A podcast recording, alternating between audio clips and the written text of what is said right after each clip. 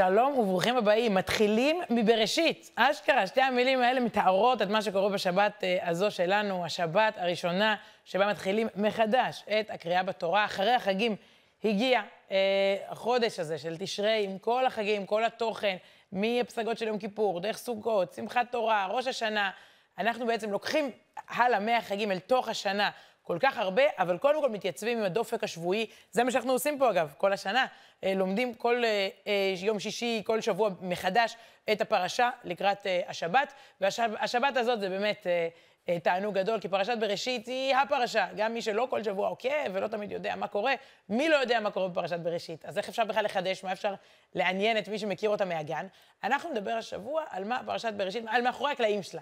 על מילים שהיא לא אומרת, אבל בעצם מנסה להגיד לנו, והן רלוונטיות מאוד מאוד לאדם המודרני. כל הגישה כלפי הפרשה היא שזה לא היסטוריה, זה, זה אקטואליה. זה לא מדבר עליהם, על אדם וחווה שם בגן עדן, זה מדבר עלינו. אני רוצה לדבר על הסיבה שבגללה אנחנו כבר לא בגן עדן. אה, אני יושבת פה באולפני הרצליה, אתם איפה שלא תהיו, אבל גן עדן, החיים אחלה, ברוך השם, גן עדן זה כבר לא. למה גורשנו משם? מה החטא הראשון של האדם הראשון? מה, הייתי אומרת, הפספוס הראשון של, של כל האנושות? פרשנינו דנים בזה אלפי שנים, כי בסוף אנחנו רוצים לדעת, גם כדי לתקן, כדי לא לעשות את זה שוב. וגם בסוף זה אב טיפוס, זה אומר, מה, איפה האדם הזה, היצור הזה שהרגע נברא, איפה הוא נופל? איפה הוא מתבלבל? איפה הוא לא ממלא את הייעוד שלו ואיך אפשר להימנע מזה? מילת המפתח, שוב, היא לא כתובה בפרשה, אבל אם עושים זום אאוט, אם קוראים את פרשת בראשית, אז מילת המפתח היא איפוק. איפוק גבולות, דברים שלא עושים, משהו שהיום בהחלט uh, צריך לדבר עליו, זה ערך שבהחלט נשחק עם השנים. אז בואו רגע ניכנס לפרשה וניזכר. בראשית, בראשית ברא אלוקים את השמיים ואת הארץ, כך מתחיל ספר בראשית, פרשת בראשית, כך מתחיל הכל. בורא את כל העולם, הקדוש ברוך הוא בורא בפסוקים האלה את כל העולם. אגב, זה לא מתואר בצורה פיוטית. אפשר היה לתאר, כמו איזה משורר או סופר, את היופי של המים, ואת הפכפוך של הגלים, ואת המגוון של הדגים. לא, די בצורה טכנית מתואר שכל העולם נברא, ויהי אור, וירא אלוקים כי טוב, וכל פעם עוד חיות, ועוד ים, יבשה. אבל התורה יודעת, כשהיא רוצה להעריך, היא מעריכה. כשהתורה תדבר על בניית המשכן, או על כל מיני סיפורים על אברהם אבינו, היא תפרט. פה דווקא התורה היא לא ספר מדע ולא ספר אה, אה, קוסמולוגיה. העולם נברא, תכלס, מה עושים בו? זה הרבה יותר מעניין את, את התורה מ, מלתאר את בריאת העולם, ולכן זה העיקר, האדם בעולם, ולא סתם העולם. ויקח השם אלוקים את האדם שהרגע נברא, ויניחהו בגן עדן, לעובדה ולשומרה. זה המטרה בחיים, לעבוד, לשמור, לעשות, זה, בזה התורה, פה, פה היא עושה זום אין, פה היא מתמקדת.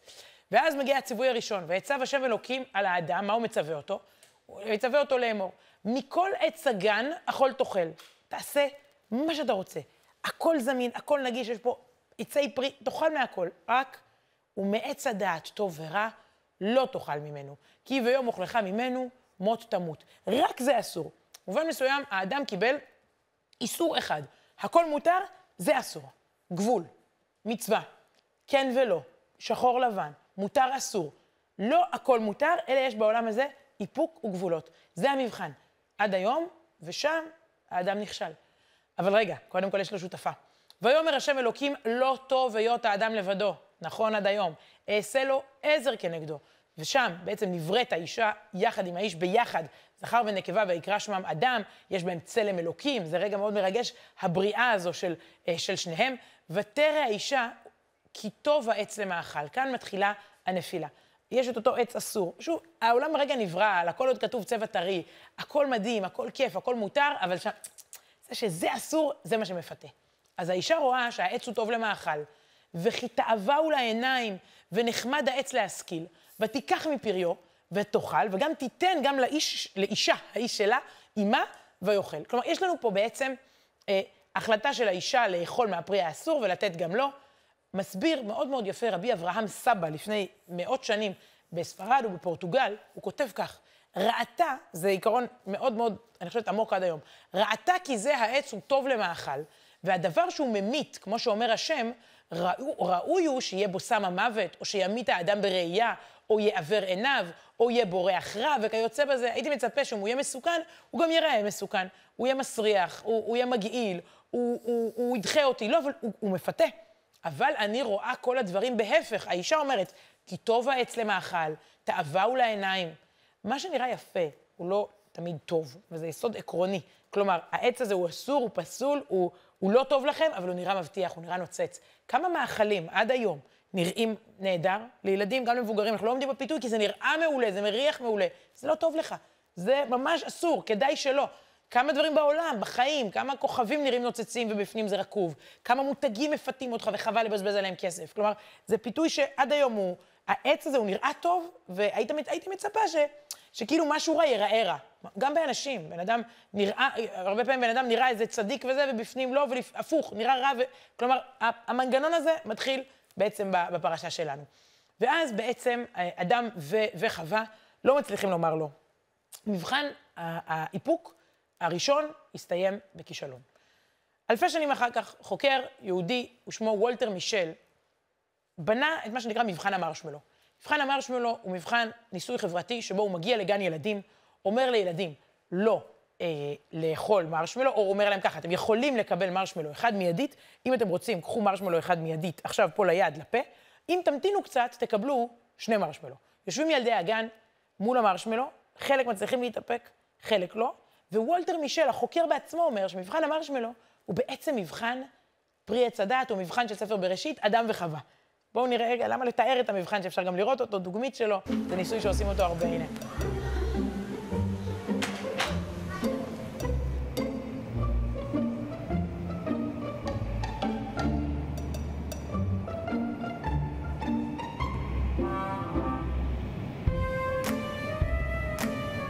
I'm gonna go do something and then I'll come back. It smells yummy.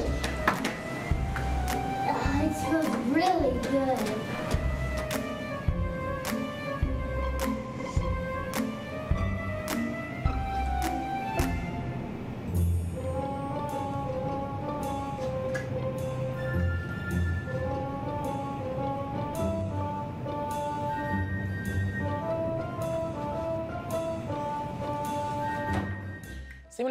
לב לטקטיקות של הילדים האלה כדי לא לגעת במרשמלו, הם מתחבאים, או שמחביאים אותו, או שמסתתרים.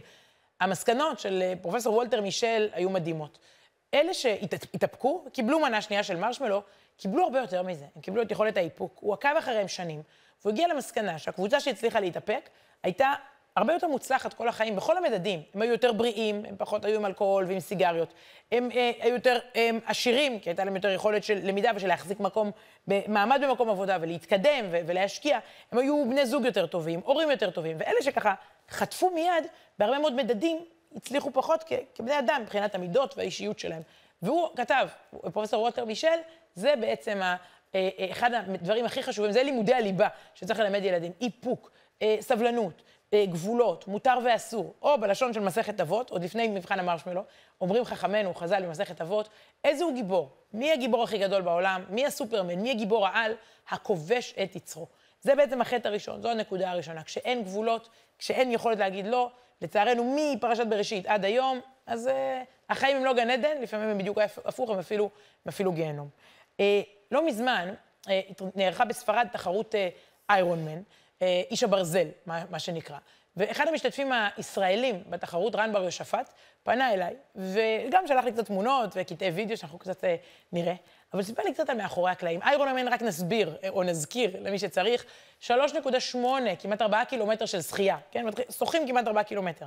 אחר כך רכיבה על אופניים של, שימו לב, 180 קילומטר.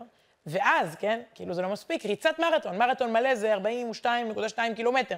זה, מי שגומר את העינוי הזה, מקבל את. אם הוא גומר את זה בחיים, מקבל את התואר איירון מן איש הברזל. רן בר שופט השתתף בתחרות בפעם השנייה בחיים, רצה לשפר את התוצאה, רצה להיות איירון מן, עם, יש, יש זמן, זמנים מסוימים שזה לוקח, כל אחד מתחרה גם נגד עצמו וגם נגד כל העולם. הוא מגיע לספרד לתחרות, ואף אחד לא חזה את גל החום הכבד שיהיה ביום של התחרות. זה נקבע הרבה זמן מראש, והם יוצאים לדרך ופשוט חם. ו... 1,800 איש התחילו את התחרות, 1,400 סיימו. זה מאוד נדיר, 400 פרשו בדרך.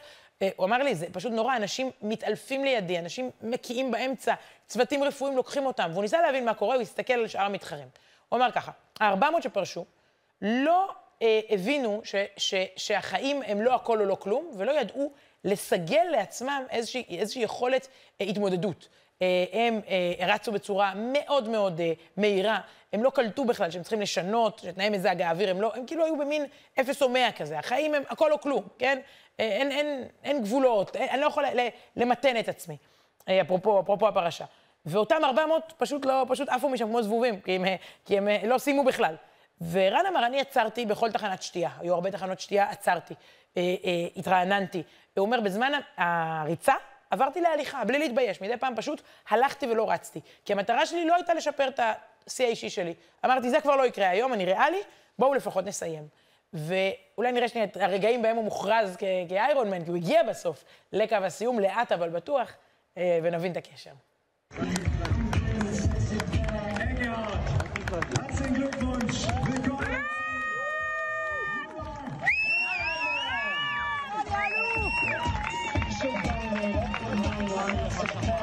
Yeah.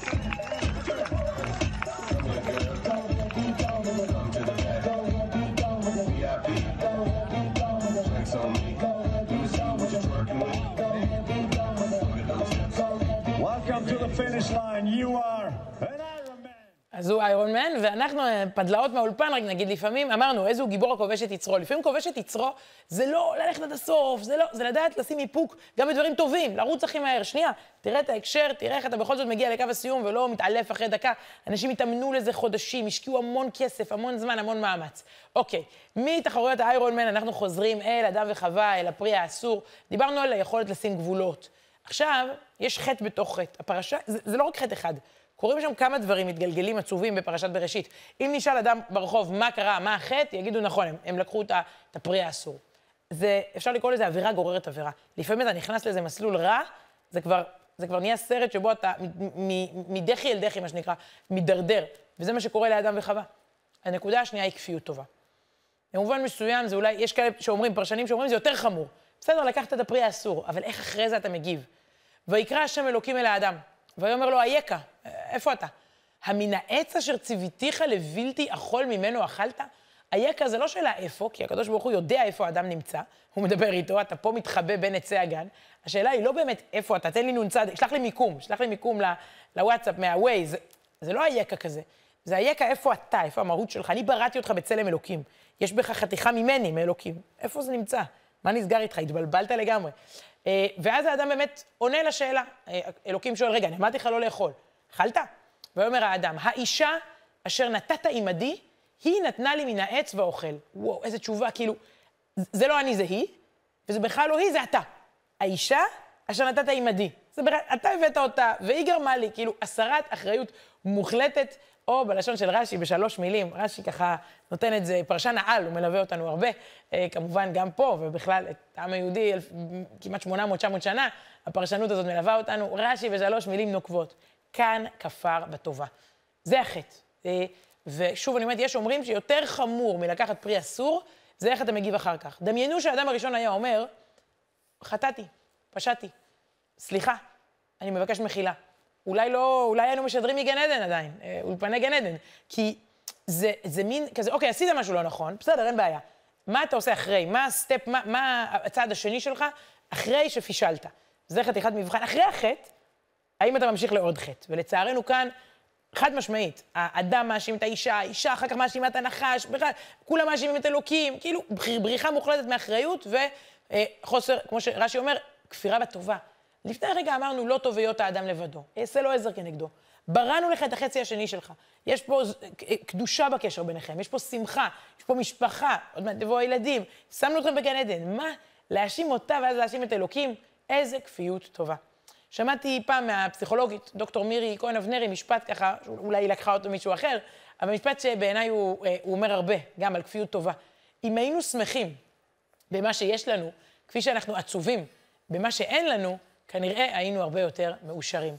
לשמוח במה שיש, זה אומר, אתה, זה, זה לא יאומן. בן אדם יכול להיברא, הוא רק עכשיו נברא, הוא עוד טרי, הוא אולי עוד רטוב, הוא הרגע נברא בעולם הזה, להיברא, לקבל אישה, לגור בגן עדן, לחיות יחד איתה.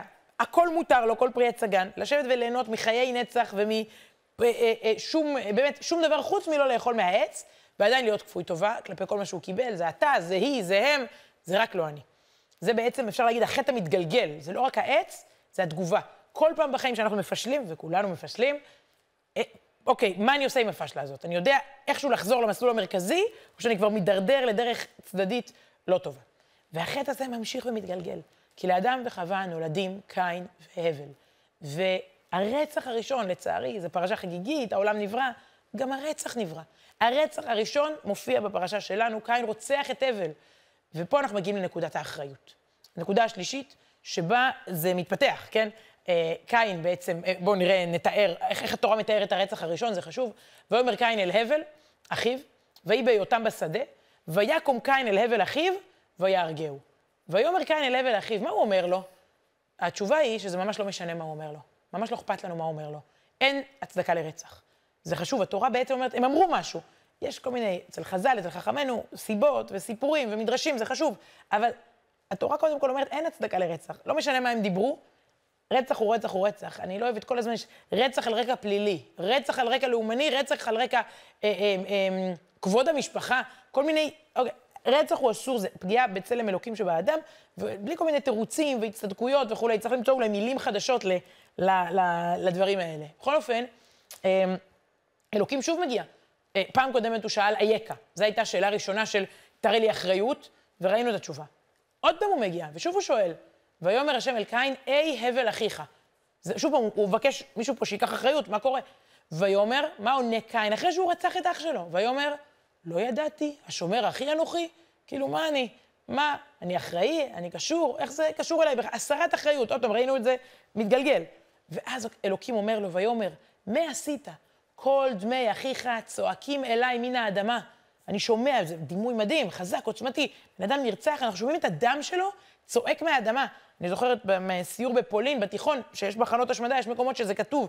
הפסוק הזה חרוט, כל דמי אחיך צועקים אליי מן האדמה. אפשר להגיד למכונת ההשמדה הנאצי, מה, מה, מה עשיתם? ופה בעצם אנחנו אה, מבינים שהאנושות, אה, היא נבראה הרגע, היא עדיין לא ממש אה, בשלה. כי אם לא לוקחים, אם בהתחלה הם לא מצליחים להתאפק, ואחר כך הם כפויי טובה ולא מצליחים לומר תודה. ואחר כך הם גם לא לוקחים אחריות, בעצם קין ככה מסתכל ימין ושמאלה, מי, מי, איך זה קשור אליי? שומר אחי, איזה נורא. כן, שומר אחי אנוכי. בדיוק, יש, אה, ראיתי תנועות נוער שיש להם מין אה, טישרטים כזה, תמיד מדפיסים איזה משהו מאחורה, אז הם כתבו, שומר אחי אנוכי. אה, אנחנו, כן, אנחנו לוקחים אחריות, אנחנו מתקנים את, ה, את החטא ההוא של קין שזורק מעליו את, ה, את האחריות. אז אנחנו מתחילים להבין שיש פה בעיה. העולם נברא, והאדם נברא, אבל העולם מושלם, איך שהוא נברא, זהו, זה כללי הטבע. האדם נברא מבחירה חופשית. זה יצור הרבה יותר מסובך, מורכב, ולצערנו, חלק מהבחירות שלו ממש ממש שליליות. ולכן בסוף הפרשה מתחילה להתנצנץ איזו תקווה, להתנוצץ איזו תקווה שיש סיכוי, כי הפרשה מסתיימת בפסוק הבא. ונוח מצא חן בעיני השם. התורה מתארת את השושלת, קין והבל, נולדו להם דורות על גבי דורות, ואז נוח נברא, והוא כבר הוא כבר מוצא חן בעיני השם. חכו, חכו, שבוע הבא, המשך יבוא, תגיע פרשת נוח, אחרי פרשת בראשית, תגיע פרשת נוח, והוא כבר מוצא חן בעיני השם, משם כבר יתחיל איזה דור, אנחנו מבינים שהמבול בדרך, לצ... סליחה אם זה ספוילר למישהו, אבל שבוע הבא זה המבול. ואז נוח נכנס לתיבה, והוא ניצל, וממנו מתחילים, מה שנקרא, take two, מתחילים מבראשית אה, פעם שנייה, ומנסים מחדש, כי עם המשפחה הזאת של אדם, חווה, קין והבל, אנחנו רואים חטאים שמלווים גם אותנו עד היום, וצריך לתקן פה את המסלול. אבל אני לא רוצה לסיים ככה, עם עוד חטא ועוד חטא ועוד חטא, כי השבת הזאת, שבת בראשית, נותנת לנו במתנה את השבת עצמה. עוד דבר נברא בפרשה. נברא האדם, נברא העולם, מה עוד נברא? השבת. הקדוש ברוך הוא בורא את כל העולם, ואז ביום השביעי נח. ומנחיל לנו, כל המילים שאומרים בקידוש, ויברך את היום הזה, ויקדש אותו, כי בו שבת מכל מלאכתו, ויחולו השמיים והארץ וכל צבעם. כל, ה, כל הפורמט השבתי מתחיל פה. אפילו הוורקוהוליסטים הכי גדולים, ואני מזדהה איתם, יום אחד בשבוע שובתים. כי אפילו אלוקים בבריאת העולם, יום אחד נח, יום אחד הוא קידש, יום אחד הוא לקח נשימה. זאת השבת הראשונה בעצם, שבת בראשית, שקוראים בה על בריאת השבת, בתוך השבת המיוחדת הזאת. והמתנה הזאת מלווה אותנו מבריאת העולם, מהשבת הראשונה ההיא, ברגע אחרי בריאת העולם, ועד כבר שנת uh, 2022, תשפ"ג. Uh, השבת מלווה אותנו באשר אנחנו. קיבלתי לא מזמן איזה תיעוד חמוד, מתוך איכילוב, מתוך המרכז הרפואי איכילוב, אחד המאושפזים שם, אה, התחיל מסורת של קבלות שבת, מביא חברים שיסמכו את מי שלא יכולים כל כך לקום ולרקוד, אה, בגלל כיסא גלגלים, בגלל אשפוז, בגלל תאונה, בגלל אה, איזושהי נכות, אבל לא משנה מה מצבך, השבת מגיעה עד אליך, משמחת גם אותך וגם אתה חלק ממנה, אז הנה לקראת שבת בראשית, טעימה קטנה מקבלת שבת באיכילוב.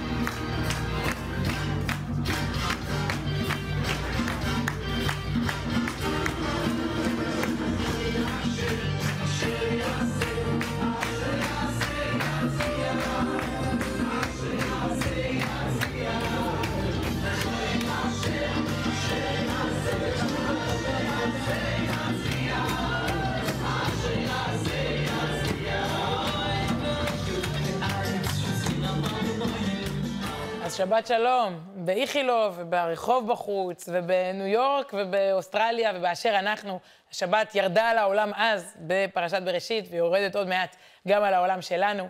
אנחנו בעזרת השם כאן בשבוע הבא, עם פרשת נוח, מתחילים מחדש את התורה כולה. תודה רבה לכם, ושבת שלום.